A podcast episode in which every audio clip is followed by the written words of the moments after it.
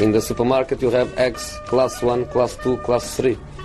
And some are more expensive than others and some give you better omelets. That's the wrong information. Wrong, wrong, wrong information. I didn't say that. That's the wrong information. Do you think I'm an idiot? Wrong, wrong, wrong information. Now look at me when I talk to you. Your job is to tell the truth. That's the wrong information. VM-podden från Sportbladet samlade för att summera semifinaler och snacka silly. Det vart många S på en gång där. Ehm, det kom ingen silly-podd eh, i förrgår. Och det var väl kanske lika bra det, för sen hände någonting senare på kvällen i tisdags som kommer få ganska stor betydelse för den här sommaren, som vi kommer behöva prata ganska mycket mer om. Cristiano Ronaldo klar för Juventus. Men vi kommer till hela sillybiten lite senare in i programmet för vi måste ju prata om de här två semifinalerna som har spelats de senaste dagarna och den finalen. VM-finalen. Det är, det är fortfarande det största man kan spela som en fotbollsspelare, eller hur? Frida Fagerlund, Martin Thorén, välkomna hit. Tack. VM-finalen är fortfarande det största man kan spela som fotbollsspelare. Eller? Ja, det får man väl säga. Jag Ja, kan inte komma på något större. Det, det skulle väl vara en Champions League-final då som kanske ligger och snuddar. Det brukar väl vara så när, när spelare ska, alltså ligatitlar de, de är inte jättemycket värda ändå oftast. Alltså när man lyssnar på, på, på spelare och sådär vad de, vad, vad de är ute efter i sina karriärer. Men det är väl klart att ett VM, det är så himla få alltså riktiga världsspelare som har ett, ett VM-guld trots allt. Ja, och du spelar ju så pass sällan också till skillnad från Champions League som de stora spelar med i stort sett varje år. Så här får de ju kanske två, tre chanser i livet att vinna ett VM. Så det är klart det är störst. Mm. Vi börjar med eh, Frankrike då som besegrade Belgien i en ganska tillknäppt tillställning ändå får man säga. Eh, ett Frankrike som ju är mer man tycker att man tittar på de här spelarna och det är Mbappé och det är Pogba och det är Griezmann och så vidare. Men Det är ett ganska defensivt eh, viktat lag ändå från Deschamps. Det är liksom Det är ju hans fotboll någonstans som ändå dominerar det här Frankrike. Ja exakt och de satt väl och spekulerade lite i vad hade hänt om man hade satt en, en annan tränare eh, och få jobba med det här materialet. För att materialet är det ju som sagt inget fel på. Eh, men å andra sidan så har de ju tagit sig till en VM-final. Så det är ju ganska svårt, och, ganska svårt att klaga då även om det är, jag håller med, alltså det är ganska defensiv fotboll. Plus att de oftast har lite svårt att komma in i matcher. Alltså jag menar första halvlek större delen tillhörde ju ändå Belgien. Och sen så kommer de in i matchen i, i den andra och sen den här sista kvarten hade man ju kunnat klippa bort helt. Alltså från matchen. Man hade ju kunnat blåsa av där för det var ju ingenting att ha. Det var ju mest spelförstörelse. Eh, men återigen Kylian Mbappé. Tänk att man kan vara så ung och ändå göra så stor skillnad i ett lag. Han är så oförstörd, han är så härlig att se för att han är så pass liksom, ung och bara kör. Men jag blir besviken på mig själv för jag, jag fattar inte varför jag inte har liksom satt Frankrike själv i mina VM-tips och sånt vi har gjort innan. För det är ju alltid de här defensiva skickliga lagen som vinner. Det är inte de som blåser på ett Belgien till exempel. Eh, det är inte de som vinner med 5-2 i gruppen som går och vinner ett VM. Vi såg 2014 Argentina släppte in, in ett mål vid slutspelet tror jag. Och ja, EM senast var ju ytterligare ett bevis på det. Så det är, landsfotbollen är ju ofta så att det är de som har det bästa defensiva spelet som vinner och ändå har liksom kvalitetsspelare framåt. Och där är ju Frankrike ett mönsterexempel. Mm. Man såg ju det också i eh, Brasiliens möte med Belgien. Just det där när de får eh, ett mål i baken att de bara liksom flyttar fram alltihopa helt. Eh, eh, utan, alltså det, det var ju ett naivt tänk på något sätt. Istället för att tänka att oj nu får vi se till här och inte släppa in 2-0 så var det mer att nej gud nu måste vi, måste vi fram med allt så att vi kan kvittera så snabbt som möjligt och så gick det ju ut för efter det. Det, det, det var inte Eh, rent taktiskt så var det ju inte spe speciellt skickligt och det är väl det vi har sett i den här turneringen. Alltså att det är många taktiskt skickliga lag som har gått väldigt långt där den individuella kval kvaliteten kanske inte har varit 5 plus men det har liksom inte spelat någon roll. Nej. Sen är de ju oerhört skickliga när de får det här målet att verkligen förstöra resten av den här matchen. Att se till att det inte blir någon mer fotboll spelad nästan. Eh, det är ganska många tjuvnyp, det är mycket maskande, det är det ena med det andra för att liksom bryta ner där. Och sen så är de ju faktiskt defensivt, jag menar Kanté centralt där. Belgien vill ju gärna kombinera sig igenom, Hazard och De Bruyne slår de där bollarna. Men de tar sig ju inte igenom där. Han står ju i vägen hela tiden. han gör ju inte sådär jättemycket i den här matchen kan man tycka. Förutom att han hela tiden är spelbar och aldrig slår bort en passning. I stort sett. Men så står han ju bara i vägen. Den lille... Ja. Han är ju bäst på sin position tycker jag i, i hela världen. Alltså, ja, jag vet liksom inte vem som skulle vara bättre i nuläget eh, egentligen. Men eh, det är kul också att se det här att Frankrike, alltså det, det var ju lite till deras nackdel när de höll på med det här att åh, centrala defensiva mittfältare ska vara, de ska vara stora som hus, alltså en, en Paul Pogba typ, alltså rent eh, rent storleksmässigt. Det är kul att se att Kanté lyckades motbevisa. Alltså 100, hela, 168 centimeter. eh, En dryga 60 kilo någonting mot Merouan Fellaini och Axel Witzel liksom. Ja. Och han, det är ändå tvärstopp där liksom. han motbevisade ju hela det franska tänket. Alltså han tvingade ju dem att tänka om. Eh, och det var väl lite också beroende på Spaniens framgång där med, med Iniesta och så vidare. De är inte jättehöga de heller. Eh, men nej, det, det, är, det är kul att se att man kan vara liten och ändå eh, så extremt bra på, på just den positionen. Eh, 100% timing. Det är det han jobbar med. Uh, oerhört skicklig på det förstås. Och Mbappé. Det känns ju som att han... Alltså, Belgien gör det ju bra mot honom, försvarar sig bra. Men det, det är ju vid några tillfällen där han... Där han bara ser ut som den här, ja men lite grann som Thierry Henry gjorde i perioder som Ronaldo gjorde i, alltså den andra Ronaldo. Ja, för guds skull, den nya Ronaldo också. Eh, där han bara tittar en, en, eh, en försvarare i ögonen och så bara springer förbi honom. Ja, han är Det går liksom inte att försvara sig mot. Det- Ja det, det var väl, eh, alltså, på ett sätt så jag, jag tycker jättemycket om Giroud men han förstörde lite ibland för att det var ju någon gång där när han liksom sulade, Mbappé sulade fram bollen till honom på ett helt obegripligt sätt. Ja. Så man var tvungen att titta på repris här fyra, fem gånger för att fatta vad han ens gjorde. Ja och så kommer Giroud där med sin sin, eh, sin pjäxa liksom och, och får inte till avslutet li- riktigt. Det hade, hade blivit ett snyggt mål eh, Mm. om det nu hade blivit mål. Men Giroud hade ju inte heller sin bästa dag rent offensivt. Han gjorde ett jäkla hästjobb hemåt men Men det är väl som vanligt. Giroud är ju inte värd att spela med spelare som Mbappé och Griezmann. Alltså han, vad han förstör liksom. Inspelt där i början också i första halvlek när han bara stampar fram liksom. Som att en division 6-spelare ska försöka träffa liksom isättningen in till avslutet. Nej. Och sen den klackframspelningen är också, det är värt ett bättre öde. Han har ett skott på mål den här eh, turneringen. Giroud. ja men å Eh, andra och då har han sidan. startat i ett av turneringens ja, bevisligen de bästa lag. Eh, alla matcher och de har haft massor med boll framåt. Och, Men han gör mycket nytta ska jag säga. Ja, alltså han, han han, gör gör, verkligen. väldigt mycket nytta i Frankrike. Men det är, ibland kan man bli lite besviken på honom, det får, får man säga. Han är ju en liten Ola Toivonen typ på, på det sättet. För jag menar Deschamps eh, uppskattar ju uppenbarligen honom extremt mycket eftersom att han alltid har, har trott på honom. Eh, det är lite det där med att ibland så är vissa tränare tycker väl att nej, men det är lite viktigare ändå att, att ha en spelare eller en anfallare på planen som faktiskt prioriterar defensiven än, än tvärtom.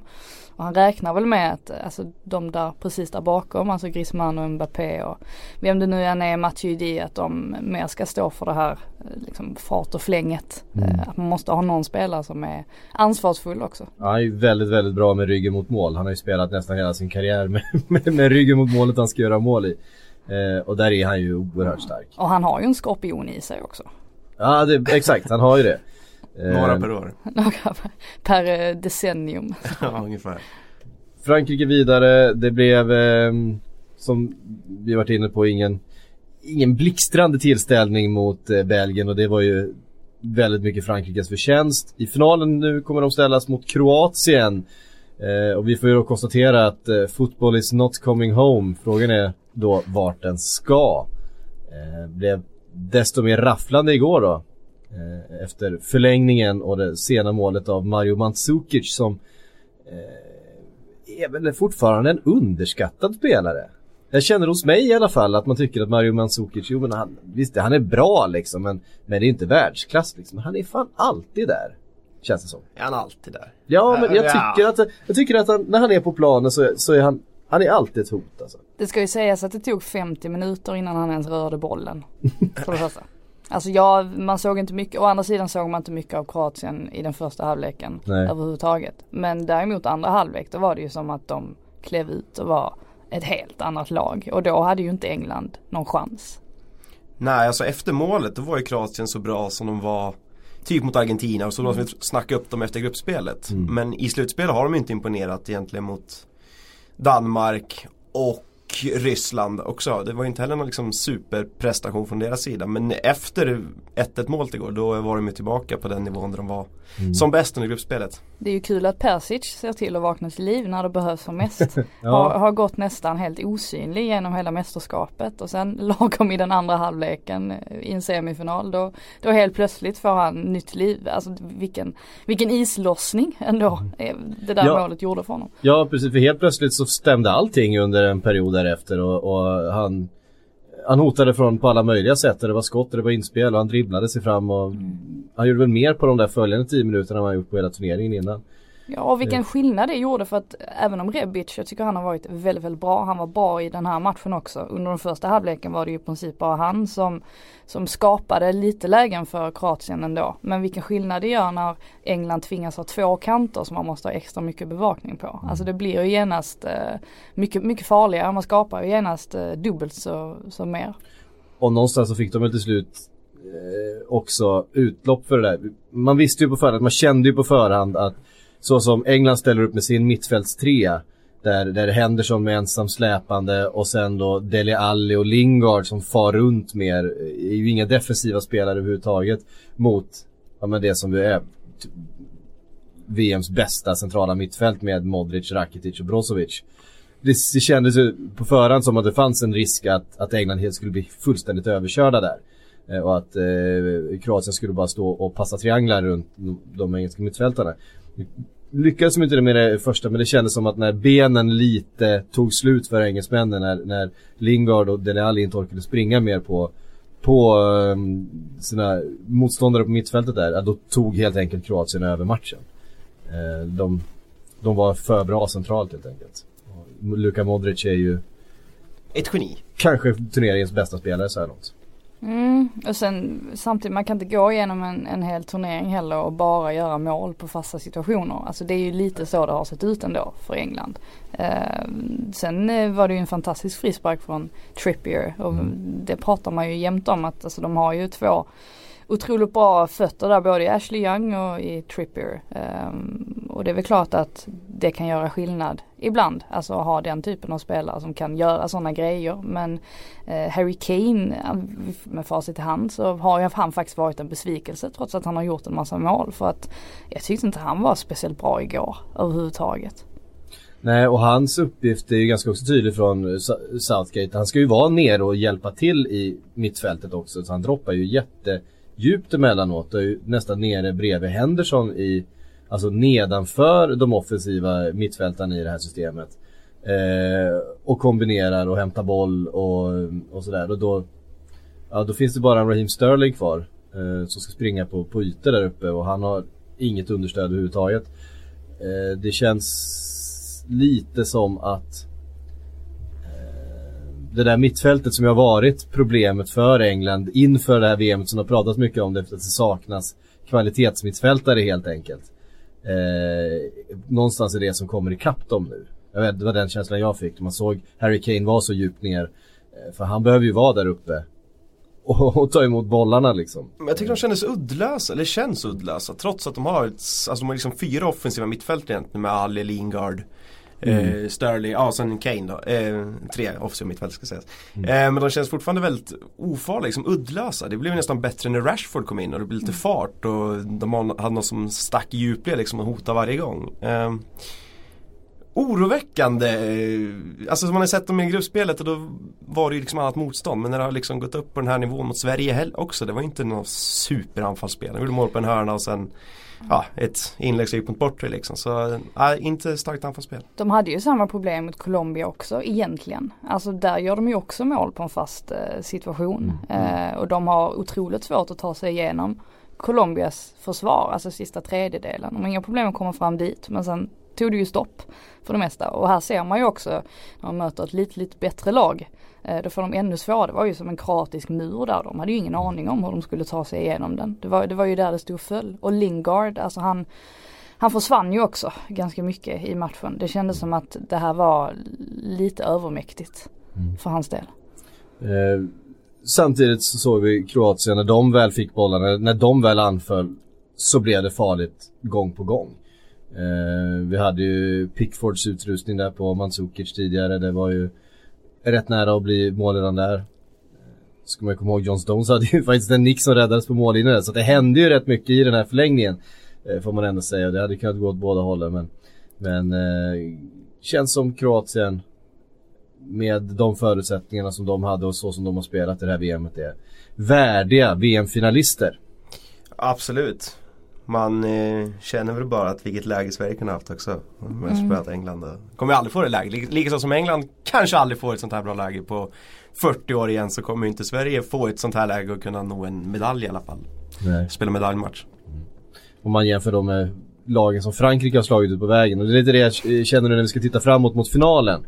Eh, det Frankrike faktiskt har gjort på vägen här och lagen som de har besegrat och, och gjort det på ett ganska kontrollerat sätt ändå. Det har inte varit liksom eh, tillfälligheter eller, eller enskilda situationer nödvändigtvis som har gjort att de har tagit sig hit. Utan det är att de har kunnat kontrollera fotbollsmatcher ganska eh, effektivt. Alltså matchen mot Argentina så blev det viss, visserligen lite, lite Hawaii emellanåt men det var också för att Argentina hade lite flyt och fick in de där bollarna Mm eh, i lägen. Det kändes som Frankrike hela tiden var det bättre laget eh, i Ja, den matchen. det tredje målet där från Argentina det kommer ju i sånt pass sent läge att det, det var ju mest bara ett bonusmål. Det var Ja. ju inget mål som man trodde skulle hjälpa dem till att lyckas vända den matchen.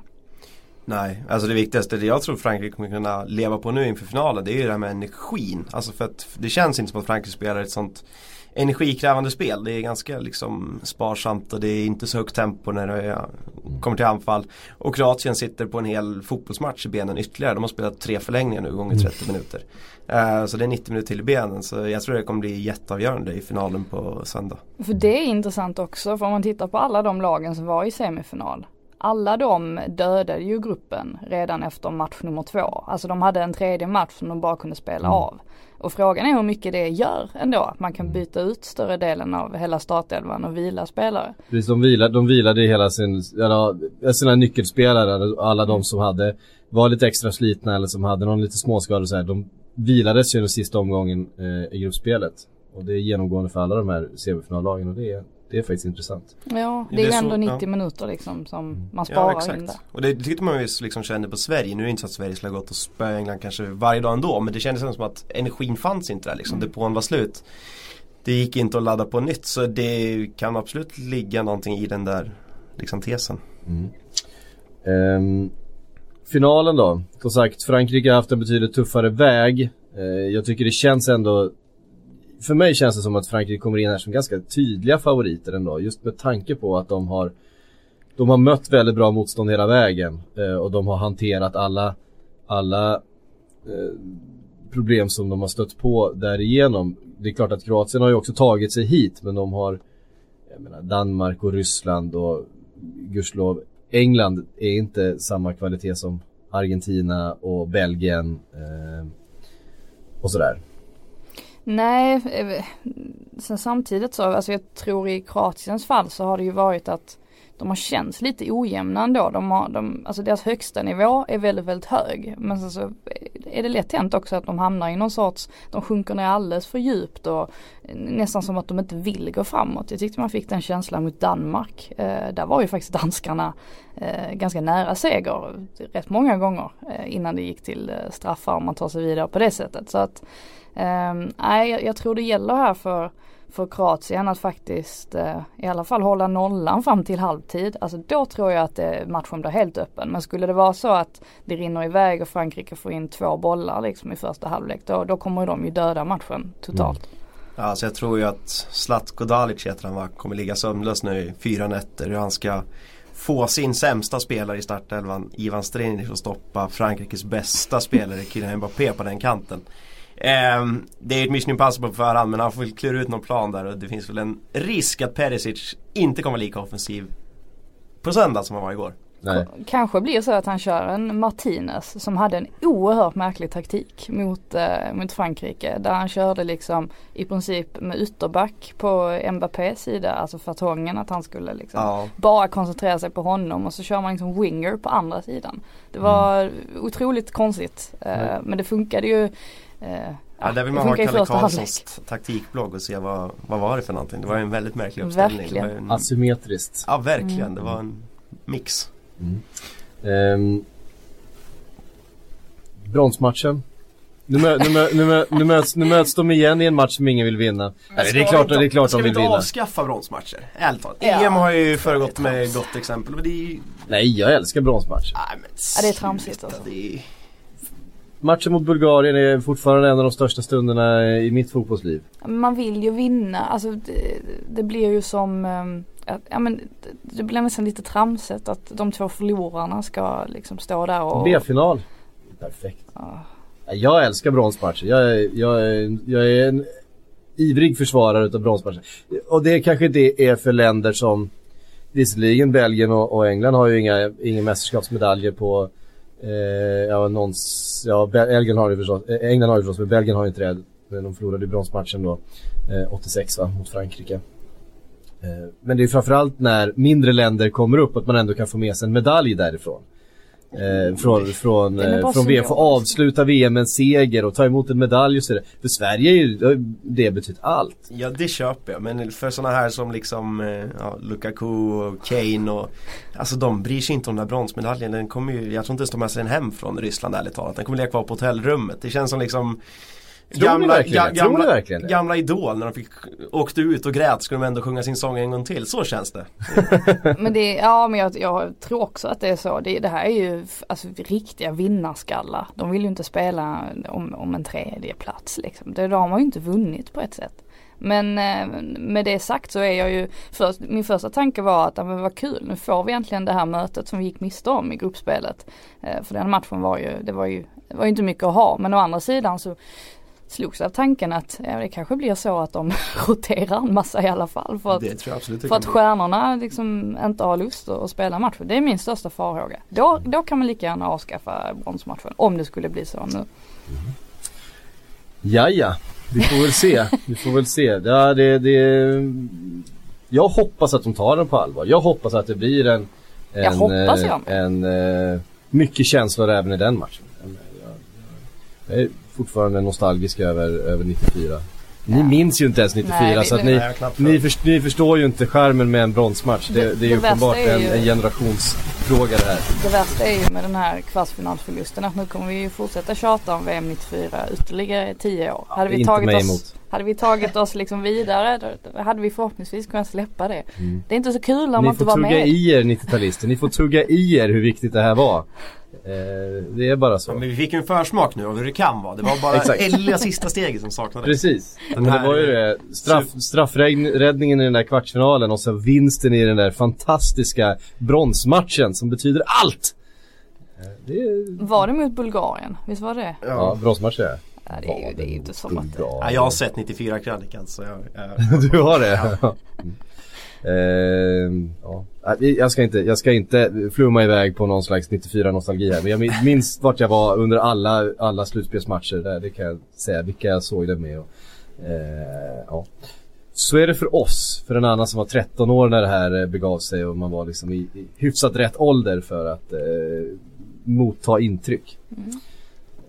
Vi lämnar VM där. Vi kommer tillbaks eh, med en avslutande VM-podd eh, på söndag direkt efter finalen. Ska vi försöka samla våra tankar och reaktioner kring det här mästerskapet och knyta ihop den säcken. Nu rör vi oss vidare då till det som har börjat trumma igång på riktigt nu när VM börjar liksom så här klinga av nu. Det är bara, nu är det ju bara två matcher kvar. Ehm, det mesta är satt, många spelare har åkt ut. Nu kan vi börja förhandla de nya kontrakten.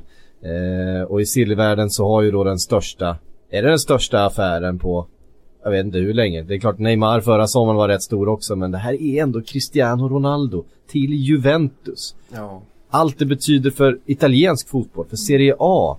Eh, det är ju fortfarande Cristiano Ronaldo. Han är ju så stor.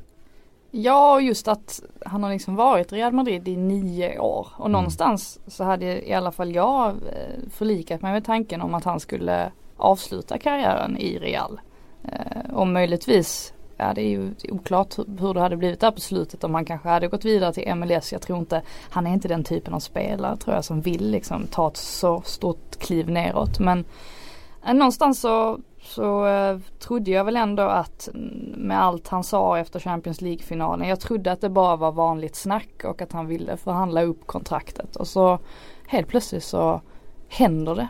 Eh, Mm. Och hela marken skövlar till typ. Ehm, Men eh, på ett sätt så kan jag verkligen eh, eh, verkligen beundra också att han gör det här. Eh, var det Ryan Giggs som sa att han trodde att han kanske gick till Serie A nu för att han vill ha ännu en anledning till varför han är bättre än Lionel Messi. Att kunna säga att jag gjorde det i, i Italien också. England, Italien och Spanien. Eh, det ligger väl någonting i det. Han är inte riktigt klar än. Han är inte mätt trots alla de här framgångarna. Så att det kan jag verkligen eh, beundra och respektera. Ja, nej, det älskar man ju honom för. Eh, och att han har den där ligatiteln inom ett år, det är väl inte allt för... Du kan inte vara speciellt höga odds Jag på att sticker ut Juventus- hakan och säger att... att Juventus är favoriter Ja, nej, inför den här säsongen. Ja det får vi se. Eh, jag tyckte det var en kul statistik som eh, kommentatorn Anders Bjur. Eh, fin, fin kommentator tycker jag. Hej Anders. Ehm, han, han tittar den här statistiken att eh, Ronaldos siffror i perspektiv. Eh, han har alltså gjort 127 mål fler än vad ikonen Raúl gjorde under hela sin eh, session i Real Madrid. Och han har gjort det på 303 färre spelade matcher. Det är rätt sinnessjukt. Det, det, och du menar, vi pratar om Raúl, en av de främsta målskyttarna genom tiderna liksom som bara öste liksom, säsongens säsong. Han är ju alltså om 10-15 år, eh, till och med 20-30, då kommer man ju sitta och prata om den här myten om Cristiano Ronaldo. För att jag tror inte riktigt man förstår vilken, eh, vilken enorm fotbollsspelare det är på alla plan. Alltså just i sättet som han är, alltså hans professionalitet och eh, hur han, eh, hans vinnarskalle och varje gång det känns som att han är på väg eh, ut för, ja, men nu börjar han bli till åren så bara reser han sig och blir tio gånger starkare. Det är ju, det är ju helt sensationellt. Det känns som att det enda som kan stoppa honom möjligtvis skulle vara en, en knäskada likt den Zlatan fick liksom. Annars kan man ju inte se något, något stopp för det här. Nej. Nej men att, att bara att ligga på över nio säsonger, ligga på ett snitt ö, på typ 1,1 mål per match. Men jag har gjort över 50 mål alla säsonger tror jag. Det var inte så. Jag tyckte jag såg någon statistik också. Ja. Alltså det är ju hockeysifror alltså. Det är Ja. Nej, det är helt galet. Så att det är riktigt kul för Serie A, kul för Juventus. Eh, hoppas att Är det kul för Serie A dock? Ligan alltså. Jag jag menar alltså klart stjärnglansen kommer ju öka men Ja. för ligans skull när vi hade en titelstrid När gångs hade det, ja precis. Den På så, ju- rent sportsligt så kan det ju vara eh, tråkigt för Serie A, men det känns ändå viktigt för Serie A som på något sätt har halkat efter lite grann under ett antal säsonger. Eh, ekonomiskt inte kan hänga med framförallt England och även Spanien. Eh, på många sätt där, där eh, några få storklubbar liksom dominerar. Juventus har ju varit laget, har ju sportsligt varit bra hela tiden. Men vi saknar de här stora namnen. Milan och Inter och sådär som eh, varit alltid med bland de största i Europa som inte är det längre.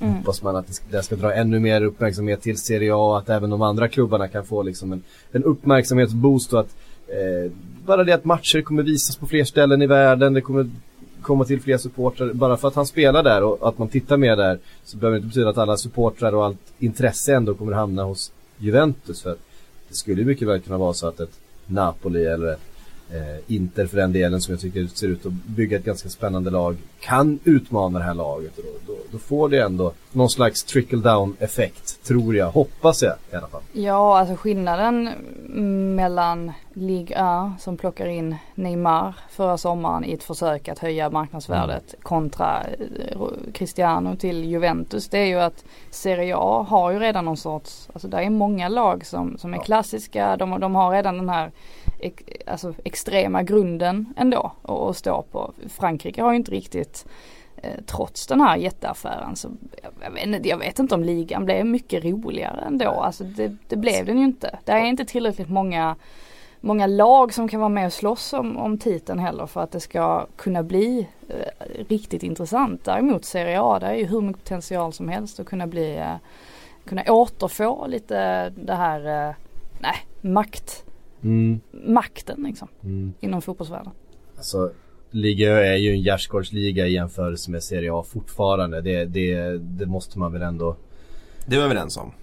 Ja, eh, det, det, finns, det finns för mycket, för mycket brödgäng i, i Frankrike och de som ska utmana de de har ju liksom inte ens i närheten av de resurserna som de bästa lagen i Italien. Alltså det, där blir avståndet så, så avgrundsdjupt och gigantiskt mellan PSG och de andra att det blir helt ointressant. Äh, bara för att Cristiano kommer till Juventus så, så, så blir det ju ändå inte så. Du, du har ju fortfarande ett, ett, ett handfullt riktigt bra lag i, i Italien och allting med liksom runt omkring. Bara att det är Serie A med, med all bevakning som finns, de stora klubbarna och de stora organisationerna och alla supportrar eh, världen över. Eh, men de har ju behövt det här. De har ju behövt det här. Men det fanns en tid då Milan hade alla de största stjärnorna i världen och, och det var liksom 90-talets Real Madrid liksom. Och det, det har ju saknats, det har ju saknats det här landet att, Mm. att ha en fotbollsklubb som på riktigt är bland de absolut, absolut största i världen. Även om Juventus sportsligt har varit det så har det ju eh, inte riktigt känts som att de har varit där uppe med Barcelona och Real Madrid och Bayern München och eh, Manchester United. Men vad oväntat och vad skönt det var att Juventus tog det steget också. Annars har vi alltid liksom suttit här och hyllat för deras Bosman- Bosman-värvningar sommar efter sommar. Men nu går de ut och liksom levererar en miljard på en 33-åring. De går liksom all in. Vi ska försöka vinna Champions League nu, ja, två, tre kommande säsongerna, någon, någon utav dem. Eh, så länge Ronaldo är kvar. Och befriande att se Juventus även agera på det viset och inte bara med lister varje gång.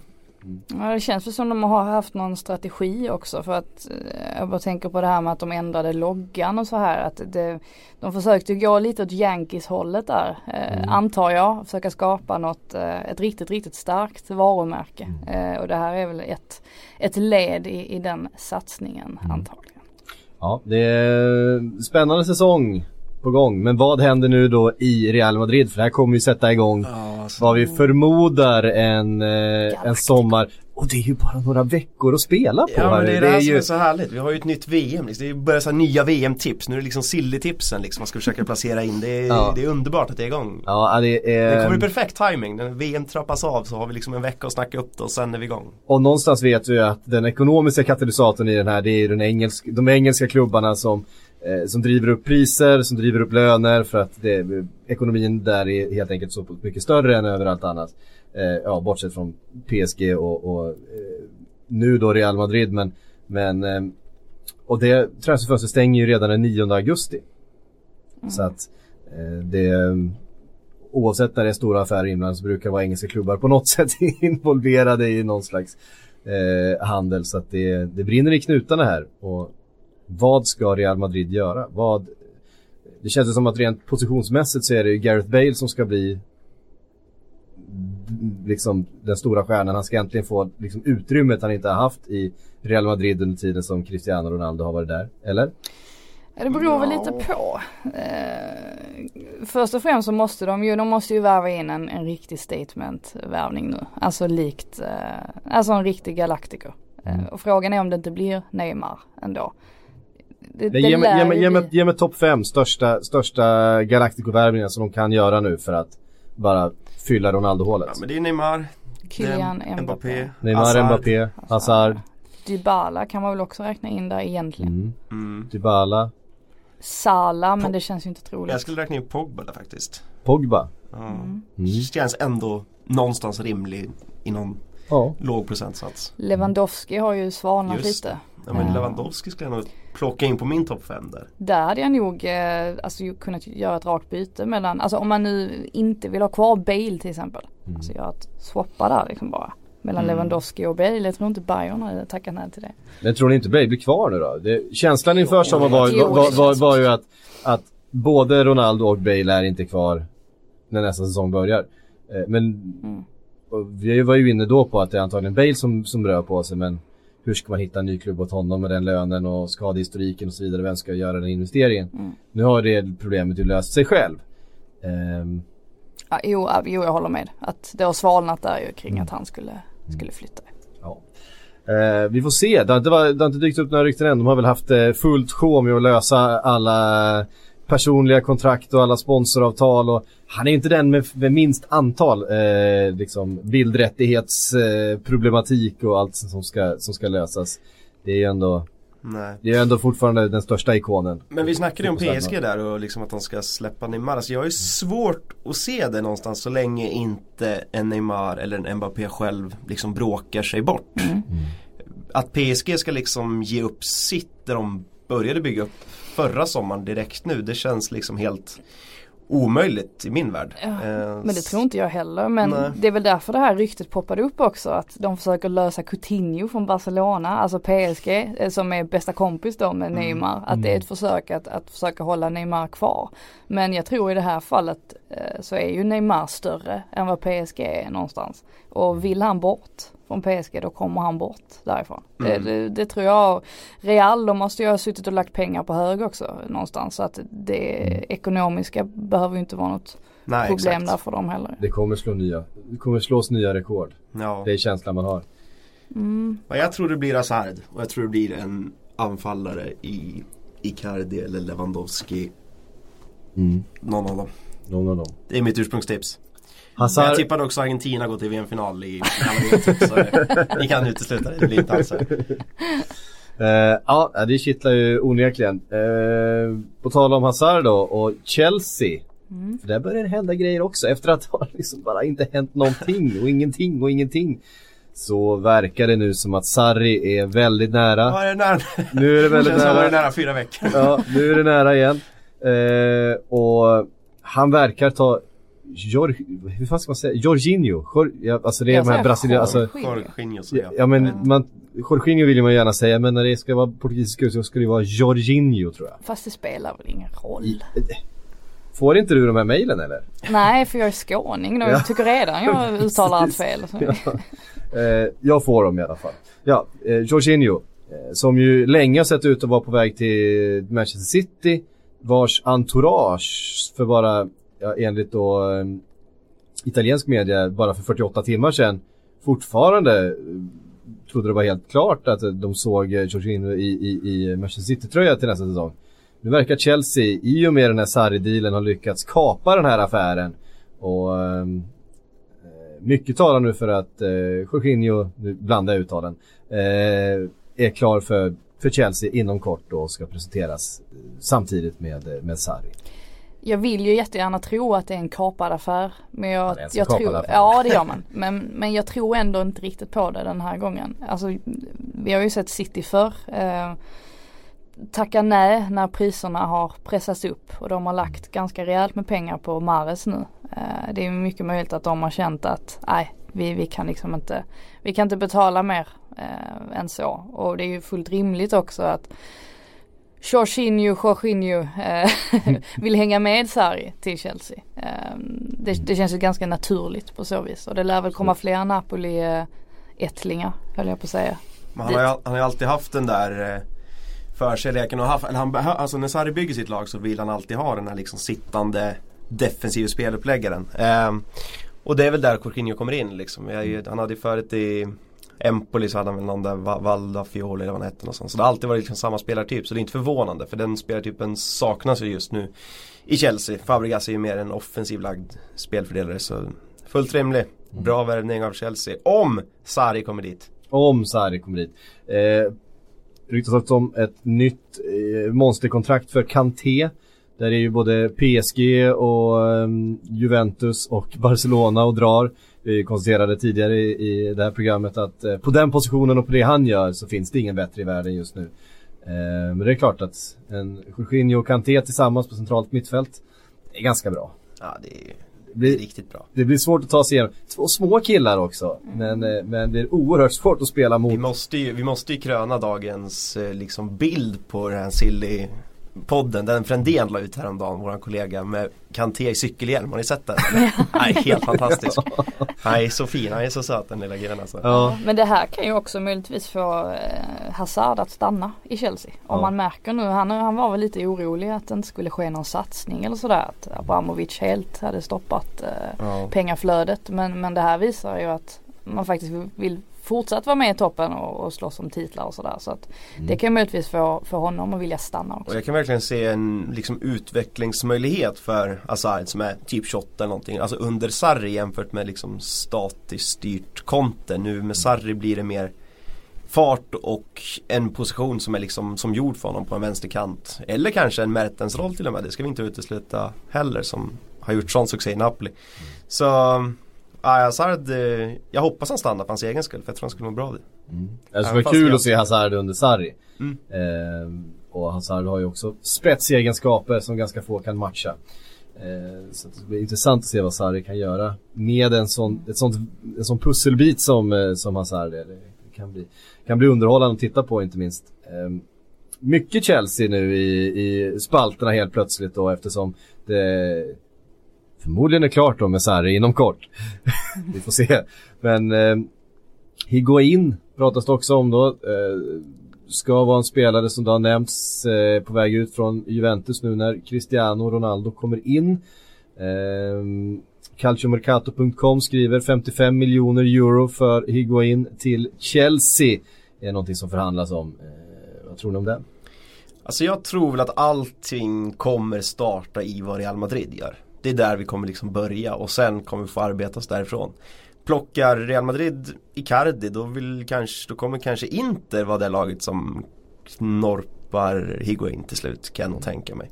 Eh, för att han ska väck från Juventus det känns ganska givet men vart han ska landa jag har svårt att se det. Jag tror mycket beror på vad Real Madrid gör först. Intressant att se också vad som händer i Chelsea då. Om Iguain skulle komma in till exempel. Vad, vem blir det som ryker? Är det Morata eller Batshuayi eller Giroud? Eh, någon ska ju bort. Eh, Morata har väl egentligen Alltså jag vet att det är han de har snackat främst om i så fall. Att det är honom de gör sig av med. Eh, men å andra sidan så, alltså Batshuayi, han verkar ju vilja vara kvar i, i Dortmund. De verkar vilja ha honom även Ja. om det blir dyrt. Eh, Giroud, passar han verkligen in under Sarri? Alltså, ja, jag tycker inte det är helt givet ändå att det blir Morata som, som ryker i så fall om det skulle komma in, eh, komma in en ny anfallare. Nej verkligen. Men det känns som att Sarri alltid har varit den som har jobbat med Alltså truppen har ju varit liksom 22-23 man som alla andra men han har jobbat med en och samma startelva egentligen i ja, 38 omgångar om han får och kan. Eh, s- han är inte den som roterar heller så att det Han kommer få det tufft då med tanke på alla matcher och alla kupper och alla Ja men de slipper väl, de gick de ens till Europa, de gick till Europa League va? Nu, Chelsea. Eh, ja, precis. Så blir det va? Nej, Nej, Nej, de, de blev fan nu minns jag nej, nej, de plockar väl en Fan jag måste kolla. Nej, de, har- de, de är i Europa League. Chelsea. De. Chelsea. före. Ars, nej de slutade efter Arsenal. Nej, de slutar före Arsenal, Före men, Arsenal. Men, men på femte plats. Ja, ja precis. Ja, Ja. ja okej. Så Europa League blir det i alla fall. Ja. Eh, ja, den var uppdaterade. Man Ja, snabbt det var, alltså, det var helt sjukt. Det är verkligen så här VM-info i hjärnan som har knuffat ut annan info. Det. Jag hade bara Burnley i skallen. Ja för Bara liksom Burnley de ska ju, kvala, de ska ju kvala till, och det var ju på grund kvala, ut, ja. eh, kuppspelet och sådär va. Ja just det, ja Mm. nu är jag med. Ja, äh, det, nu gick vi ut på saker jag hade glömt bort här. Men, men, men visst, ja de ska spela Europa League. Ja. Det. Så det blir mycket matcher eh, oavsett. Mm. Jag kommer inte ihåg vad jag sa innan där alltså. Jag har glömt bort allting nu. Ja. Ja. Eh, vi, eh, vi lämnar Chelsea där då och sen så konstaterar vi att Torreira är klar för Arsenal. En eh, värvning som har känts klar rätt länge. Vi, vi, det var väl eh, kanske i första avsnittet redan eh, av Sillepodden som vi nämnde det här första gången. Känns ju precis som Arsenal. Jag vet inte hur många mittfältare som jag har sagt att det här känns precis som vad Arsenal behöver. Men det här, det här känns precis som det Arsenal Ja, behöver. vilken värvning alltså. Ja. Han, han har ju varit eh, väldigt, väldigt bra under VM och är ju exakt den spelaren som möjligtvis kan få Granit Xhaka att eh, se lite mer bekväm ut i Arsenal. Han ska helst inte ha speciellt mycket defensivt ansvar. Då känns det som att han tappar stora delar av, av sin kvalitet i spelet. Får han däremot en liten friare roll offensivt och, och kan slappna av lite mer och låta Torreira sköta det defensiva så, så tror jag att han kan eh, ta nästa kliv också. Jag tycker det är en perfekt värvning för, Ja. för Arsenal, jättebra. Mm. Ja, jag, jag, jag skulle vara lika negativ som vanligt. Ja, det, är en, det är en typisk Arsenal-värvning liksom. Alla spelar exakt likadant. De är bara nio centrala mittfältare som ser ut på samma sätt ungefär. Nu har han väldigt kort Correia, Torreira det är inte de andra. Men nej, alltså jag tycker det bara blir plotter, plotter. eh, Nej. Jag tror inte det här kommer, jag trodde inte Xhaka skulle flyga, jag tror inte Torreira kommer flyga. Nej. Eh, Samtidigt så han har ju typ gjort en säsong i Sampdoria var det bra. Det är det vi grundar allting på. Ja, ett VM. Innan det var han i typ Serie B och spela. Det finns ju en skillnad här. Det är ju att Wenger är borta och att Emery har kommit in. Ja, och och jag, jag är en jättestor eh, supporter av Wenger, gillar honom jättemycket. Men sanningen är ju att det var inte många spelare som utvecklades under honom. Alltså det är ju inte de sista åren. Nej, Maitland Niles är ju kanske Mm. det enda exemplet från senaste säsongen. Någon som faktiskt tog lite kliv. Alltså jag tror att om Emery bara kan bli den typen av tränare som kan få ur det mesta ur spelarna. Tror en sån som Berin också kommer att ta kliv när Lichstein har kommit in och så vidare. Jag tror det kommer bli en helt annan grej. Att man lätt ser väldigt negativt på Arsenal just av den anledningen att det är så många spelare som har stagnerat. Jag tror att den tiden är över. Ja, jag är inte lika övertygad. Jag tror, jag tror Emery är borta innan säsongen är över. så. Oj! Det, det, det, det är Neggo Tholén som har, Ja, det är som som har klivit in i studion här. Det här är som vanligt. Ja, eh, jag, jag, jag tror i alla fall eh, Torreira är det där rivjärnet som, som Arsenal har saknat och som är, blir den där bollvinnaren eh, som springer hela vägen och det är lite det de har saknat. Och, mycket bolltittande på det där mittfältet de senaste säsongerna och det tror jag kommer bli lite mindre av med Torreira. Eh, det blir mycket, mycket bättre balans. Det ser spännande ut nu Arsenal igen tycker jag. Anfallet är ju där liksom. Det, det behöver vi inte ifrågasätta. Och man får in lite försvarare, eh, en defensiv mittfältare, så börjar det likna någon slags balans också. Det, det ska bli intressant. Eh, Det är inget, det är, det är inget lag som kommer utmana om ligatiteln, det tror jag inte. Men, men de kommer vara med igen i alla fall och slåss om eh, topp 4-platserna. Det var de ju inte riktigt den här säsongen. Om man ska vara riktigt ärlig. Ehm, Mares, klar för Manchester City. Vi, vi nämnde det i någon bisats eh, lite stund sedan men vi konstaterar att han fick sin flytt till slut efter Tror jag efter två år så fick han lämna Leicester. Ehm, och det känns oerhört spännande att se vad han kan göra i en miljö där han inte behöver ta hela det offensiva lasset själv utan kan få bli lite mer eh, bonusspelare, komma i lite fler sådana här lägen, lite fler eh, offensiva, spännande, intressanta positioner per match än vad han, vad han gjort i Leicester. För att högsta nivån är ju där, det vet vi ju. Ja, en jättebra spelare att ha i sin trupp. Eh, om inte annat. Och eh, jag tror ju att Guardiola har en eh, väldigt utförlig plan för Mares. Det har han ju alltid med sina spelare. Det är ju ett enda stort pussel där alla bitar passar perfekt in i varandra. Eh, Prata lite om det, om, Mares kommer gå in och plocka en startplats. Jag tror inte det spelar någon roll när man spelar i Manchester City för att man vet om att Pep älskar att rotera och Eh, så länge man plockar titlar och sådär och, och vinner matcher med hur många mål som helst så tror jag inte att spelare klagar riktigt. Så jag tror att han kommer, han kommer nog trivas bra där.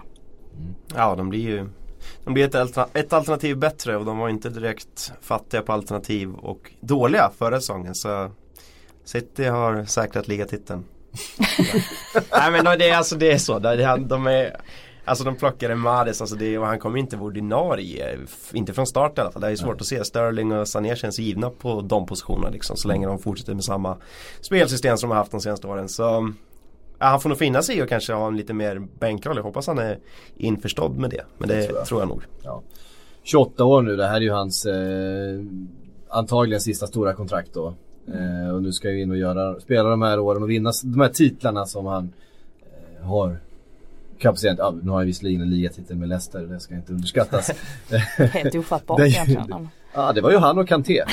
Det var han, var han och Och Kanté. Var- Vardy. Och, och Vardy. Eh, absolut, men, eh, men eh, ja.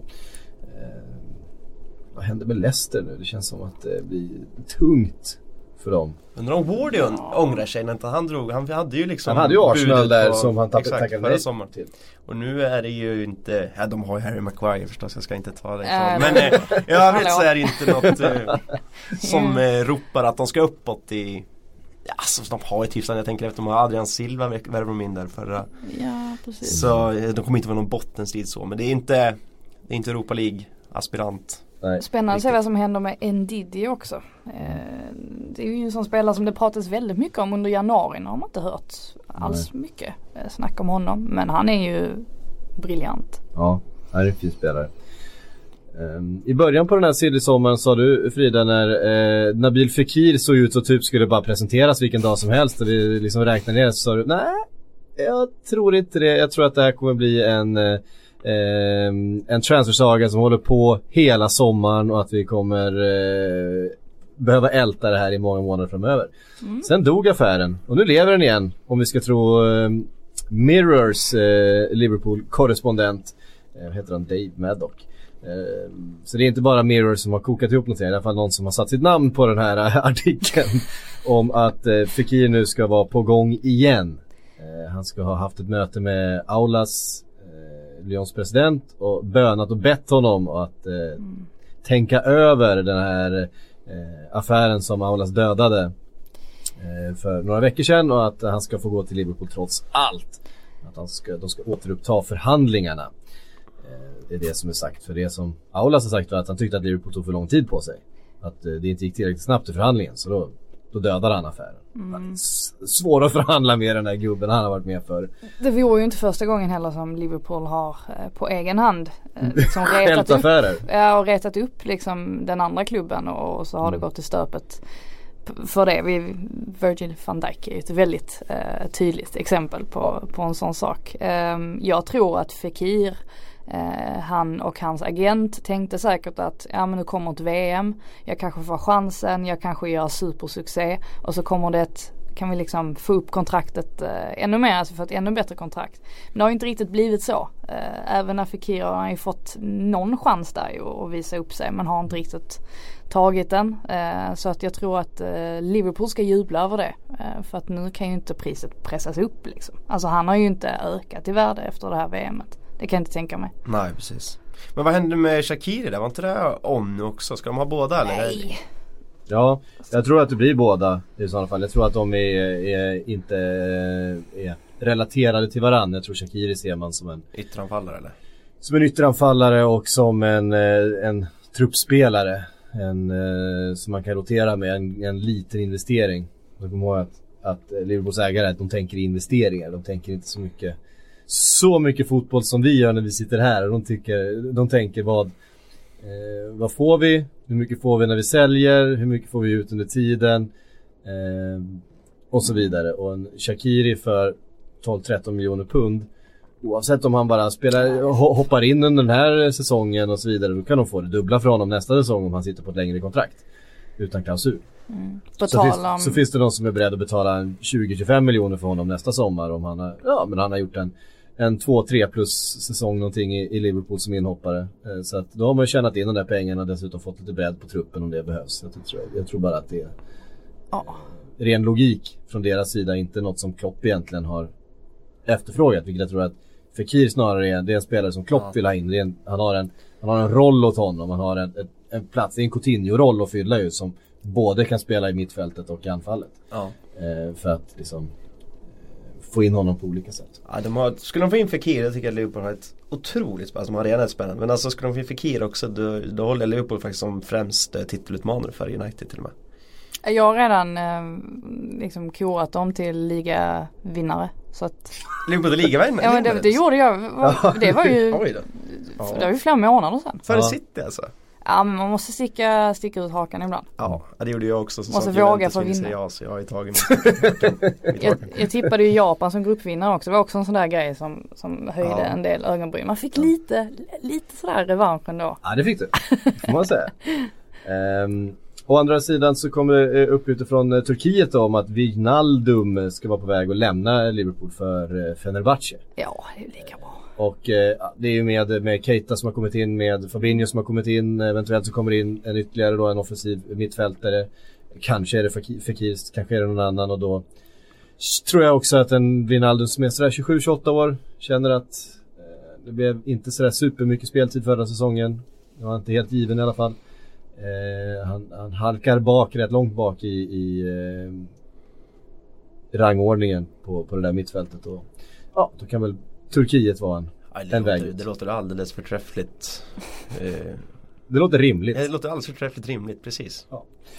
Epp, epp, epp, epp, epp. Torres, på tal om Japan. Fernando Torres till Japan. Han hänger på eh, Iniesta.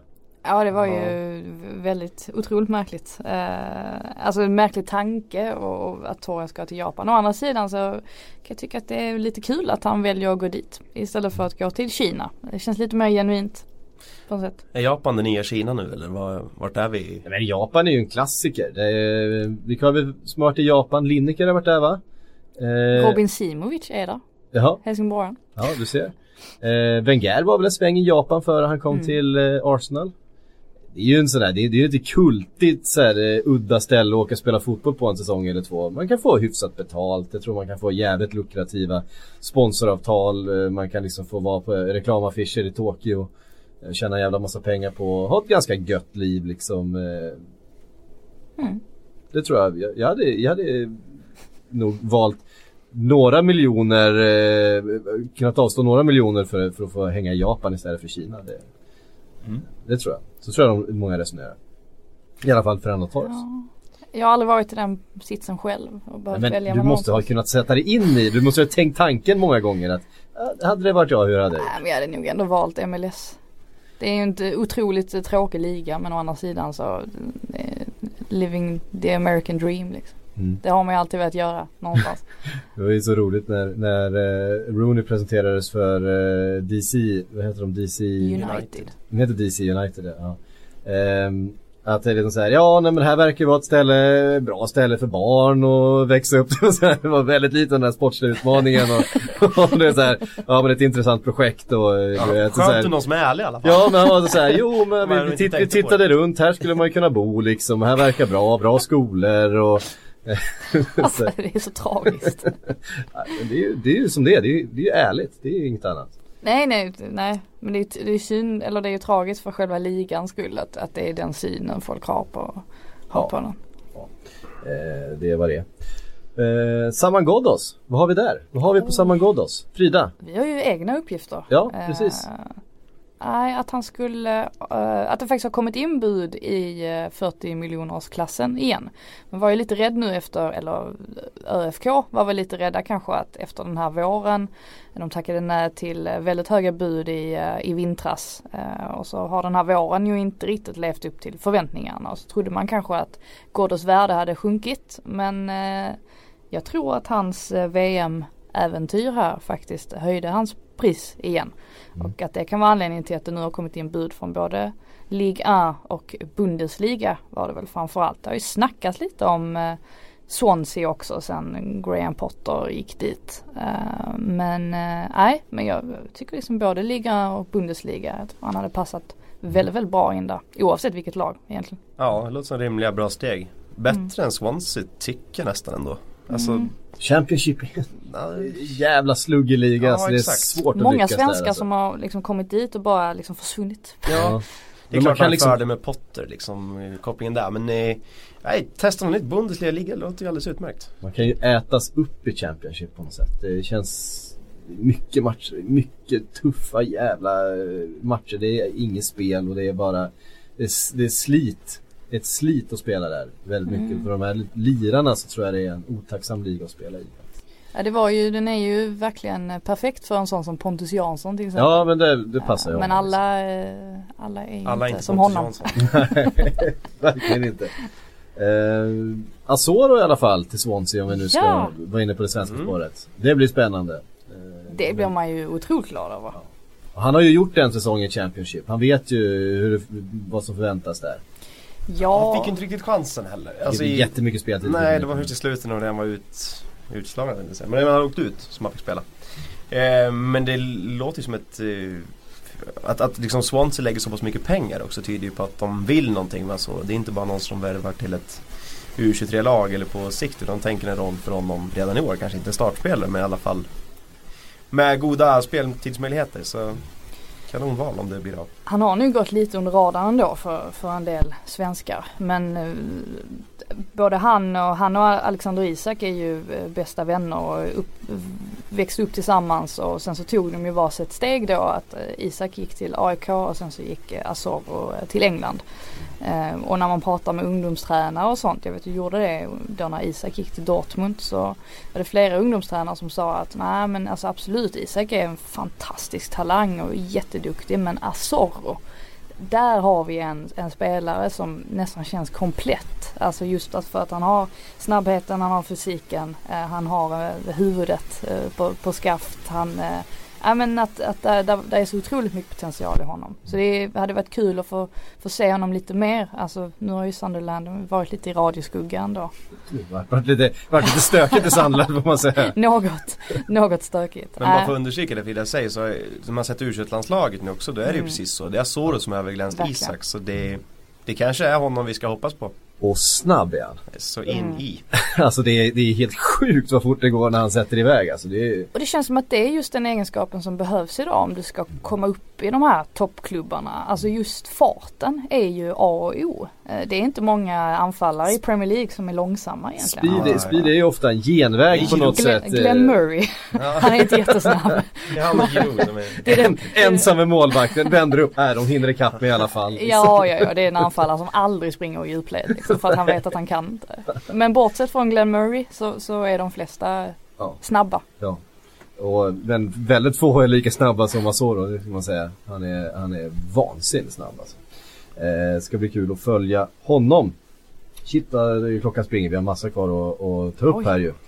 Eh, Shakiri nämnde vi, eh, Liverpool ser fortfarande ut att vara intresserade ut men nu har Lazio också blandat sig i leken. Eh, ska se Shakiri då som en ersättare till Felipe Andersson som eh, ska vara på gång till eh, West Ham eh, vad det lider. Här händer det mycket grejer för West Ham som precis har plockat in eh, Jarmolenko dessutom. Satsar rätt hårt. Ja, som sagt det säger vi ju varje Ja. sommar. Varje sommar. Jag sa väl det förra gången jag sitter här att det kommer ju floppa. Han kommer ju... Pellegrini är borta innan ja, jul någonstans. Sen är Allardyce-typen tillbaka. Tror du verkligen Ja men det är Får han fler matcher än De Boer i- ändå alltså? Ja det får han. Det, det borde vara det, det ultimata fiaskot. Men det var väl i Palace va? Det, Ja. ja men, Nej just det, ja. Sorry. men eh, ja, han, får, han får fram till vintern någonstans. Där runt eh, ja, boxing Day, Pellegrini liksom. är ju en riktig tränare. Ju riktig tränare.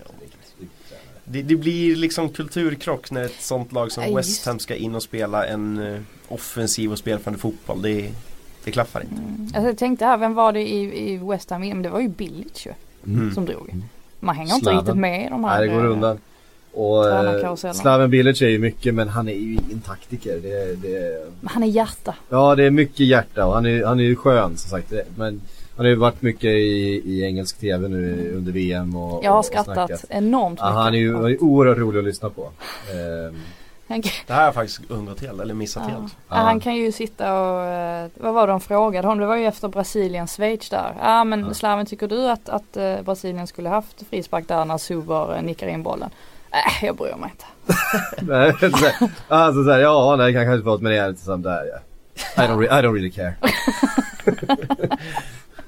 ja, det var ju ärligt. Ja men han, var, han, han är ju en skön eh, person sådär men jag undrar ifall han eh, egentligen är så lämpad för eh, att träna fotbollslag på den högsta nivån. Jag tror att han, det är ju som sagt, han får ju alltid med sig spelarna en säsong sådär. De springer mycket och de samlas runt honom. Han är liksom eh, stark ledare på något sätt men, men taktiskt så känns eh, det var ju samma sak när han var i Turkiet. Det, det börjar bra liksom och han blir en stor profil och han är ute, han syns i media och han eh, sådär och sen så börjar börjar han avslöjas eh, lite grann som, som taktiker.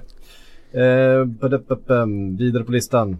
Rabiot har eh, ju uttryckt sitt missnöje med sin situation i eh, PSG. Det inte första både, både, både, både en och tre gånger. Eh, nu, Är hans mamma den här gången också? Ja, eller? Eller kan, han kan det vara den gnälligaste spelaren i Europa? Jag tror gnälligaste morsan också för det är Ja. väl ofta hon som jo, men tror hon måste väl försvara sin son. jag. Det är skillnad på att försvara och gå till frontalangrepp liksom mot andra. Eh, Barcelona pratas det om nu. Ska vara, de, de behöver förstärka upp centralt på mittfältet. Det, det har vi sett tidigare att de har eh, letat spelare. Och nu ska Rabiot vara en av eh, de som de tittar på. Kan det vara eh, ett bra kliv från dem? Tar han plats där till att börja med? Ja men jag tycker att Barca kanske siktar fel. Alltså att de ska in i central mittfältet det känns ju helt givet uppenbart. Och då tittar de liksom, en- de, Verratti är väl, känns väl liksom som gjord för det där mittfältet. Och varför inte sätta in en attack på honom nu liksom. Eh, Rabiot är inte lika, alltså det är en fantastisk fotbollsspelare men det är inte jag tror, jag tror att en Verratti hade gjort mycket mer gott för Barcas skull. På det där mittfältet. Utan Paulinho, utan Iniesta. Mm. Just det. Ehm, mm, mm, mm, mm. Stefan L. Charan. Hey, I'm Ryan Reynolds. At Mint Mobile, we like to do the opposite of what Big Wireless does. They charge you a lot, we charge you a little. So naturally, when they announced they'd be raising their prices due to inflation, we decided to deflate our prices due to not hating you. That's right. We're cutting the price of Mint Unlimited from $30 a month to just $15 a month. Give it a try at mintmobile.com slash switch. $45 upfront for three months plus taxes and fees. Promo rate for new customers for limited time. Unlimited more than 40 gigabytes per month. Slows. Full terms at mintmobile.com. Avi. Det var ju tal- tal- talangen som, eh, som aldrig riktigt blommade ut. Fan vad man trodde mycket på honom där ett tag. Eh, sägs eventuellt då vara på väg till Fiorentina tillsammans med en, eh, jag tror en sån här koffert full med pengar för eh, Fiorentinas då superlöfte Federico Chiesa. Eh, då till, Fin. till Roma. Eh, ja han är fin. Annars, annars hade jag perfekta klubben för El Shaarawy. Om Stoke hade varit kvar i Premier League. Garanterat El Shaarawy. Ja det är en riktigt bra Stoke-värvning. Eh, men alltså, ja till Fiorentina. Ja, men det är väl det där. Han harvar runt liksom i lite övre halvan. Känns som att snart är vi runt i alla de där Milan, Roma, Fiorentina. Eh, men Federico Chiesa är ju ett eh, riktigt fynd om Roma skulle kunna lösa honom. Eh, däremot så ser jag väl inte riktigt att det kanske behovet, eller behovet finns men de har för mycket liksom av den sortens spelare nu. Man vill ju se en Justin Kluivert få chansen verkligen i Roma och då ska de väl med en Chiesa och så har de redan Perotti. Det börjar bli mycket offensiva kantspelare i Romas trupp i så fall. Det är väl där jag sätter ett frågetecken kring. De, eh, de fyller Salah-hålet eh, om och om igen. Ja. Men Monchi är skicklig på Är det någon jag litar på mer än någon annan så är det ta mig tusan Monchi i det här spelet. Jag tänkte faktiskt säga det precis också att det känns som att han har ju verkligen en tanke Mm. med allting Ja, det har han. han gör. Ehm, absolut. Seri. Det här är ju ett namn som vi, som vi har... Jag var, eh, jag var rädd att du inte skulle ta upp honom. Ja, jo då. Han, han är med här också. Eh, Jean-Michel Seri. Eh, Nis, eh, mycket fina centrala anfallare, som, eller centrala mittfältare. Som ju var kanske det namnet som i vintras då pratades om till Barcelona, som skulle bli den här eh, centrala spelaren. Det pratades om honom till Arsenal. Eh, det har också pratats om honom till, till eh, Manchesterklubbarna och det har mycket frågetecken kring den här köldallergin som han påstås ha. Vi har ältat det flera gånger. Eh, en sån här spelare som bara väntat på den där stora flytten. Nu ser den ut att komma nu då, flytten för honom äntligen. Till full. Alltså det här ryktet dök ju upp på samma dag som Cristiano blev klar för Juventus. Och Mm. jag var långt mer chockad över att Seri ryktas i Fulham än vad jag var över att Cristiano faktiskt går till Juventus. Jag 30 tycker miljoner det är- euro. Det måste ju vara någonting där för att storklubbarna inte ska ha plockat honom redan. De måste, det måste finnas ett frågetecken kring honom. Eller så har han en usel agent bara som inte har lyckats hålla det här eh, intresset vid liv. Mm. Eh, jag tycker det är en jättebra fotbollsspelare. Mm. Em, ja, det, det, är, det är märkligt hur snabbt, eh, hur snabbt utför det kan gå. Med det sagt så är det en jättebra värvning för Fulham om det nu blir av. Eh, och de, de ser ju spännande ut om de får behålla sina spelare. Hur, hur, hur har det gått med Mitrovic och hela den? Det tror jag kommer bli av. är nog Det bara var ju ett lån där så de måste ju köpa loss Ja, honom. Sen vet man ju inte hur mycket pengar de har. De bränner 30 miljoner pund här. Newcastle vill ju säkert ha 15-20 för sin Mitrovic liksom. Det är ju sådana som vi snackar trots Ja. att han har ju gjort allt annat än superinsatser i Newcastle. Ja. Mm. Och Sen Sessignon på det om man får behålla honom liksom då. Eh, Ja, det måste ju- vara prio ett för dem. Ja. Alltså så är det.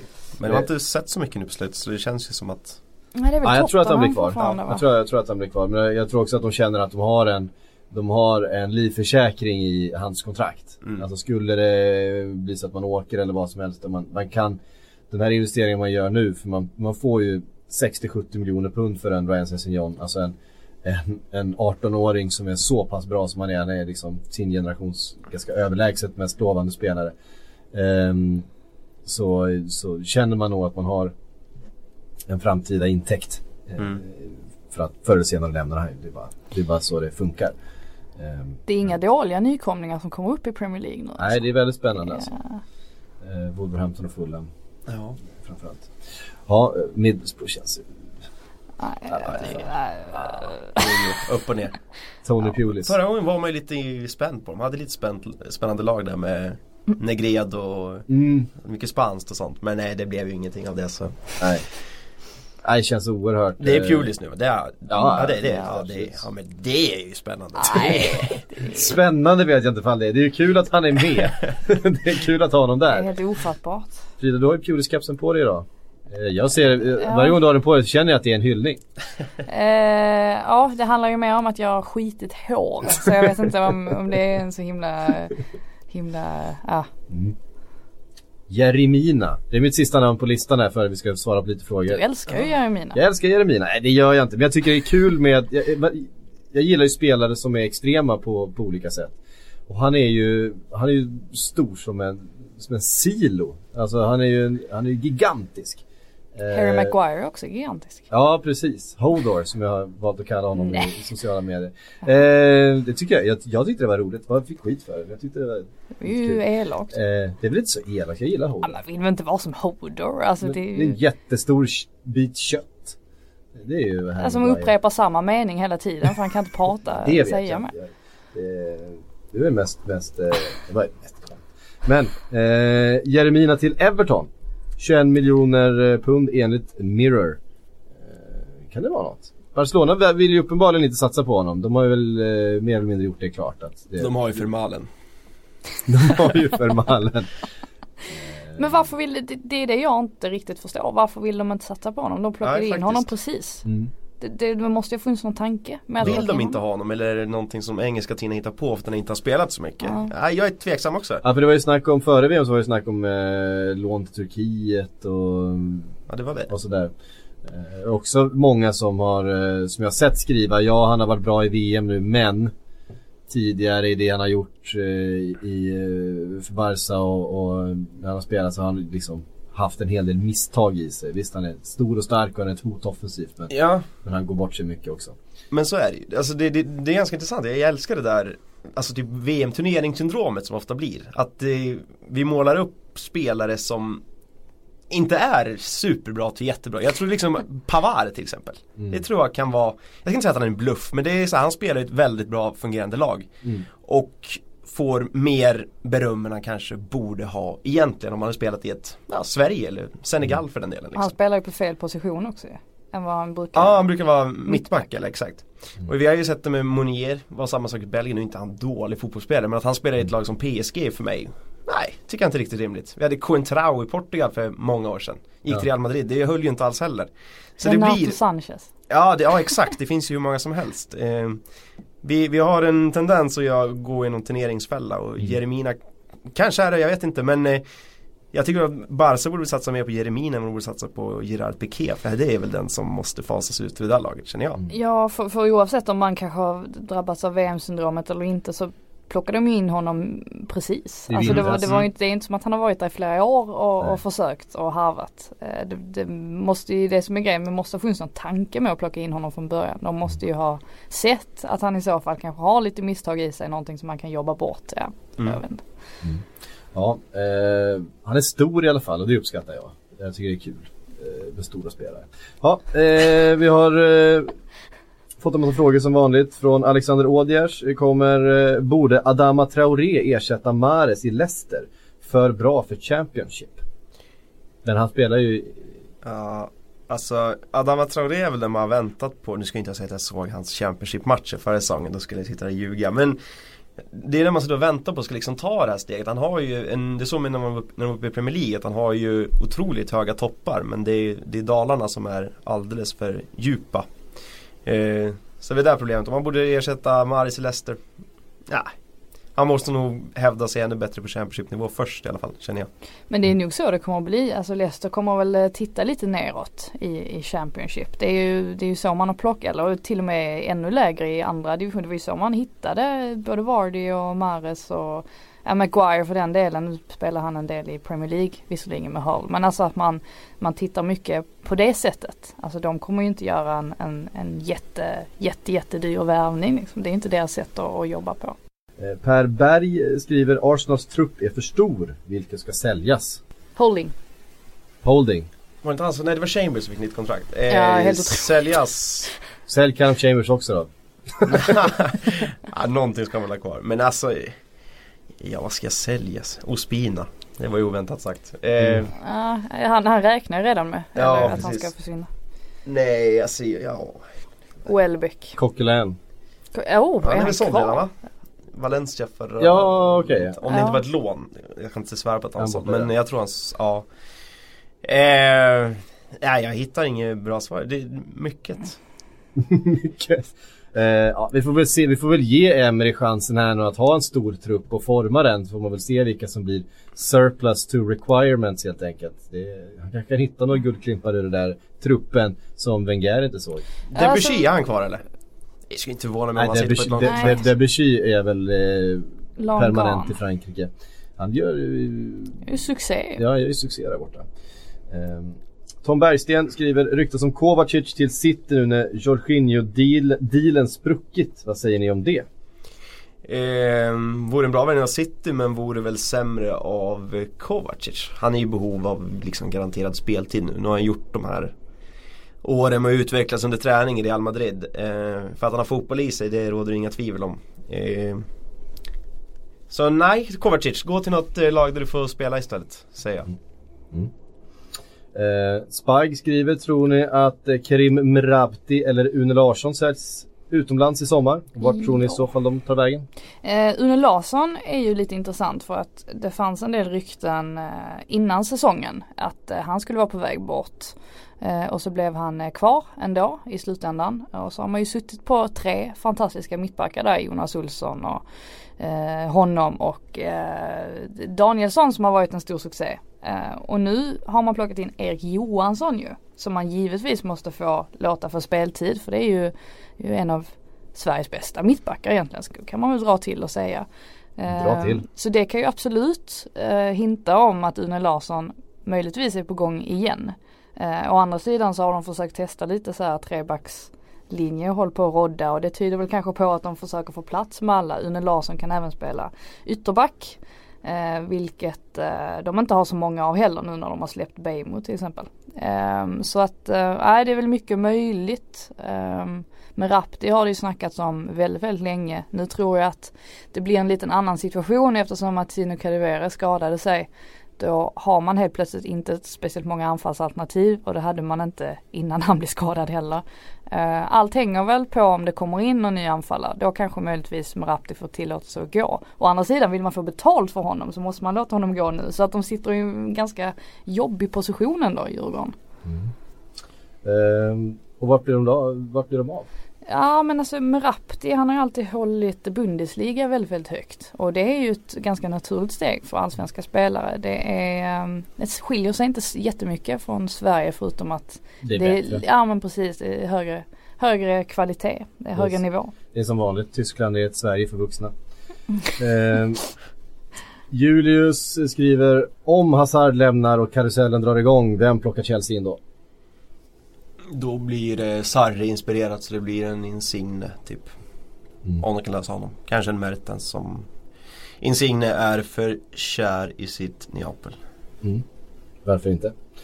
Um, Patrik Alexandersson undrar, vad händer i Manchester United? Snackas för lite om den klubben? Ja det gör det Det faktiskt. pratas alltså väldigt lite Manchester United just nu. Tolle, du brukar ha koll på dem. Ja, alltså jag eh, skrev upp mig och sa att jag håller ju på dem och det, Ja. det Alltså det är ju ett, jag tror Mourinho känner sig ganska klar helt enkelt. I alla fall med spelare in. Eh, Det är nog säkert några som ska ut därifrån. Det är ganska mycket dödkött så att säga. Men eh, Martial. Ja, det är väl inte dödkött kanske. Men sen kanske han borde lämna mest för sin egen skull. För han får ingen Han kommer nog lämna är väl det som vi, vi tror. Ja, inte helt övertygad jag. Jag tror mer runt de här Blind och Mm. mm. Rojo-typerna. Det är något där finns det människor att skeppa. Men eh, jag tycker United känns väldigt eh, ofärdigt. Alltså jag tycker det inte känns som ett färdigt lag. Det var redan ofärdigt förra säsongen och de spelare värvats in nu. Det är ju Fred liksom. Jag tycker det känns som en chansning och nej, jag är inte övertygad. Vad händer med Luke Shaw? Ja, han borde ju få en chans. Det har man ju sagt. Men det, det är som alltid. Alltså jag, jag tror ju att Mourinho har en så pass negativ effekt på så många spelare just nu att det, det liksom hålls tillbaka. Rashford får inte den utväxling han vill ha. Shaw får inte det heller. Eh, de, de, den typen av spelare mår kanske bättre av en mjukare tränartyp. Det finns ju säkert en anledning till varför när Gareth Southgate skulle lista anledningar till varför England har gått så långt som de har gjort i VM, varför de har fått så fin utveckling på sina, eh, sina unga spelare. Det finns ju en anledning till varför eh, José Mourinho var en av de tränarna som han inte nämnde i den här bunten när han skulle plocka upp utländska tränare som har gjort skillnad. Mm. Eh, jag tyckte det sa en hel del. Jag tror, tror i och för sig inte att han nämnde Pochettino i just den meningen på den senaste presskonferensen. Men han har pratat väldigt mycket om honom tidigare och betydelsen av honom för engelsk fotboll. Eh, Men jag tror att Mourinho har fel sorts spelartrupp att jobba med. Det här är inte hans Alltså så som Uniteds trupp är byggd just nu, det är inte det Mourinho är van att jobba vid och det är inte det han passar bäst med. Vi såg det i liksom Real Madrid, det var idelstjärnor, Inter, idelstjärnor och vinnarskallar. Här är liksom mer yngre, alltså nu ska jag inte kalla Pogba någon ofärdig fotbollsspelare men det är Många Uniteds trupp skulle må bättre av en mjukare tränartyp. Eh, och Mourinho skulle må bättre av att ha en hårdare, liksom Zlatan-inspirerad spelartrupp. Borta till jul eller? Nej det tror jag inte. Det blir nog en snyggare sorti. Men ja, det, det kan nog finnas lite flopprisk på United då. Det skulle inte förvåna mig. Men det är ju lite förvånande då att han har förlängt kontraktet. Eller Mm. att de har förlängt kontraktet med honom. Um, annars var det inte du psyk som la fram den här teorin om att Simeone skulle, skulle gå till United. Jag bara befarar alltså. Jag tror att Simeone skulle vara en... Eh, Det känns som match made in heaven. Liksom. ah, Tycker ni det? Ja. Ja, inte lika övertygad där. Jag bara känner alltså, det, jag det, tänker finns, det, finns, det finns någonting med, med Manchester United som Liverpool-supporter som jag är. Det finns liksom en Old Trafford, en fear factor kring, kring Manchester United som, alltså från eh, Ferguson-tiden. Alltså det var alltid, det var ju läskigt att möta Manchester United jämt. Men det var liksom så jävla tungt och alltid, alltid, alltid bra liksom. Eh, det fanns en, en, ehm, en grundtyngd i, i laget jämt. Som har tappats lite grann de senaste åren och framförallt jag menar Moyes och Fanchal och så vidare. Som man tyckte man kände igen lite grann i början på den här säsongen när eh, United såg sådär tunga ut igen. Men sen så blir den där man får aldrig den här känslan riktigt av att det finns Det är en grupp som drar åt samma håll när det är Mourinho som är Som är manager. Det är liksom som man har känt i alla hans eh, klubbar att det är alltid lite för slitning. Det är alltid spelare som är missnöjda någonstans. Det är alltid någon i frysboxen och så vidare som eh, Det finns ett drama där hela tiden som men man känner att en, en så här Dig- Diego Simeone som kommer in med sin personlighet och bara enar den här jävla truppen med all talang som finns där och vet verkligen blir en general sådär som alla står bakom. Då kändes det som att United med den förutsättningen och Old Trafford liksom att de skulle kunna bli det där vansinnigt tunga svårslagna laget igen liksom som bara det knappt går att åka och spela bortamatch mot och, och förvänta sig någonting annat. Det kanske kan liksom skrapa till oss en poäng här. Eh, För så kändes det under många år med Manchester United. Och, eh, jag är livrädd för, för jag tror Simeone har den, den eh, förmågan att, att få lagen att, att springa liksom genom väggar för honom. Eh, och det, Elda på. ja precis, det är jag ju livrädd för att United skulle få för att då tror jag de blir, tror jag de blir det där laget igen som man var rädd för. Och vi vet ju att Tholén generellt är ganska cyniskt inställd mot det mesta. Så Ja. eh, Ja, för en minut sen ska jag säga, då trodde jag inte alls på det här med Simon, men nu har du lagt fram det. Det låter ju underbart. Ja, sen är det kanske inte den fotbollen som jag som, Nej, som, jag som, som till först. många United-supportrar vill att laget ska spela. Eh, och som de ju samtidigt, de kunde kombinera det under, jag menar, man kanske inte hittar en manager som Alex Ferguson igen. Eh, som kunde kombinera de här två sakerna. Det är ganska svårt att få ett, ett lag som sliter så hårt och är så defensivt drillade samtidigt som man faktiskt spelar offensivt ganska, ganska attraktiv fotboll. Eh, Simeone kanske skulle kunna få ihop det men det blir ju framförallt ett ganska, ett ganska lågt sittande defensivt lag under honom ju. Det kanske inte är riktigt vad, vad United-supportrarna vill men jag tror att eh, för sportslig framgång vore det, vore det en, eh, ett bra namn. mm, det bästa för alla vore väl att klona Guardiola. Eh, jag tror att de, de flesta klubbarna vill nog ha honom som, eller hade velat ha honom som, som tränare med tanke på hur snabbt han ändå får saker och ting, eller har fått saker och ting på plats här i city. Mm, jag tror att, jag tror att eh, Uniteds ledning jobbade rätt hårt på Pochettino under, eh, under några säsonger och lyckades inte övertala honom eh, att komma och eh, hade de lyckats med det då tror jag att eh, United hade sett ut som en, en, eh, en riktig utmanare till City om den där titeln och inte mer som en som en outsider-utmanare som alla, alla andra lag också gör eh, på något sätt i City. Nu vet jag inte varför vi har ägnat tre minuter åt Uniteds kommande tränare. Men om vi ska komma med ett namn till där, så Zidane. Alltså där Ja, har man ju någonting som man vill se vad det är för sorts tränare. Det, det känns som man fortfarande, han har gjort fantastiska resultat i Real Madrid men det känns som man fortfarande är lite Ja får man säga oprövad när man vunnit tre Champions League-titlar. Ja, det är, ju märkligt att man känner så. Ja. Man vill ju att Zidane aldrig mer ska träna ett lag. Han, han har gjort sitt nu liksom. Han kommer ändå, han har tränat eh, tre säsonger och han har vunnit, vunnit mer än vad de flesta gör under en hel karriär. Liksom. Ja. Ehm, Art Vanderley skriver, finns det något, något uns av trovärdighet i Dybala till Liverpool-ryktet? Alltså ska man ens lägga någon form av energi på att hoppas? Jag tänker bara liksom avsluta med nej, det behöver du inte lägga någon som helst energi på alls. Jag gillar att du Eh. har eh, liksom inside rakt in där Ja men det säger sig självt att, att, eh, att det inte är så. Det är liksom ett, inte en spelare som jag tror är, är sugen på att sticka till Liverpool i det här läget. Ehm, det är en forward vilket innebär att han måste röra om i liksom forwards. Då måste ju plocka ut någon av de tre som är där nu. Det blir antagligen Mané då. Eh, det tror jag inte heller kommer hända, det är för mycket pengar. Dessutom så har ju liksom eh, journalister nära klubben sagt att det finns inga sådana förhandlingar. Det finns ingenting alls på bordet. Det här är ju en ren skrivbordsprodukt från folk, någon som har lagt ett pussel. Eh, Cristiano kommer in, någonstans måste vi placera en Dybala. Eh, ja, vem har pengar? Liverpool sålde Coutinho för en massa eh, pengar i vintras. Eh, de spelar ju offensiv fotboll, spelade Champions League-final. Ja, Man kanske Finns bara ingenting där. ska, man ska, kanske bara ska sätta sig och, och, och liksom ljuga ihop en massa. Alltså det kan ju, ibland får man ju rätt ju. ibland får man rätt. Ja. Det finns eh, gott om, eh, gott om journalister ute i Europa som, som sitter och gör precis detta. Mm.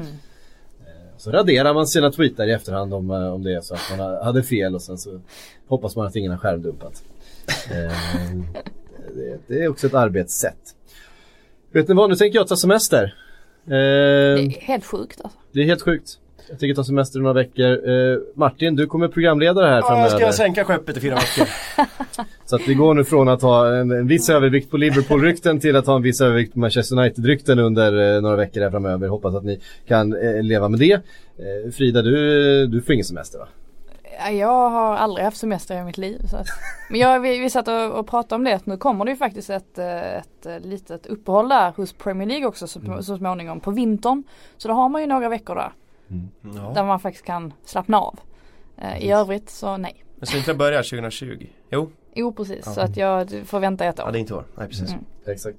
Eh, men vi, jag lämnar över Sillypodden då framöver några veckor med varm hand till Martin. Eh, och Frida, du kommer dyka upp här också. Eh, skift, skift, skiftgående som du är. Mm. Jag kommer Eh, att gå lite. Du kommer att gå lite grann. Eh, det blir alldeles utmärkt. Tack för att ni har lyssnat så länge så hörs vi på andra sidan. Men faktiskt så hörs vi en gång till. Jag dyker upp här efter finalen och ska prata ner den. Men i Sillypodd-sammanhang så, så tar jag semester nu. Så kan vi säga. Puss på er. Tack för att ni har lyssnat. Tack Frida. Tack Martin för att ni kom hit. Hej.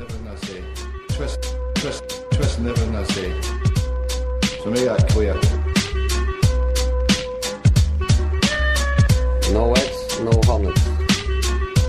För mig är